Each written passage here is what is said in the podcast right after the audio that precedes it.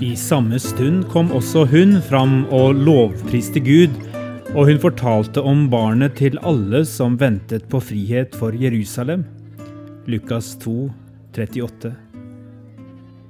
Vi som trodde vi ikke kjente noen i hovedstaden, sa Maria, da Simon så vidt hadde gitt Jesus tilbake til oss, kom profeten Anna.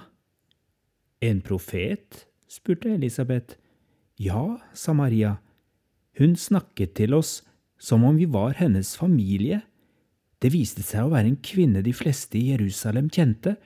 Som ung hadde hun vært gift i sju år og hadde siden levd som enke til hun nå var 84 år. Det var lenge å leve alene, sa Elisabeth.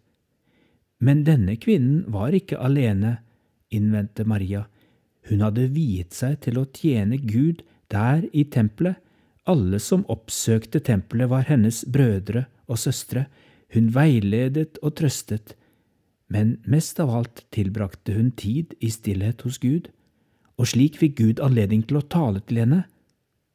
Hadde hun et ord å komme med til dere? spurte Elisabeth nysgjerrig. Å ja, sa Maria. Først ba også hun pent om å få holde Jesus i armene sine, og så gikk hun rundt på tempelplassen, viste ham fram og fortalte Se denne gutten, alle dere som venter, dette barnet er håpets tegn, friheten er nær for Jerusalem. De fleste så bare rart på henne, men noen stanset opp og lovpriste Gud. De visste at Anna lyttet mye før hun talte, og at det hun sa pleide å komme fra Gud.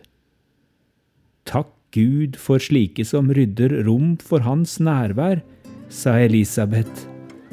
Maria sukket.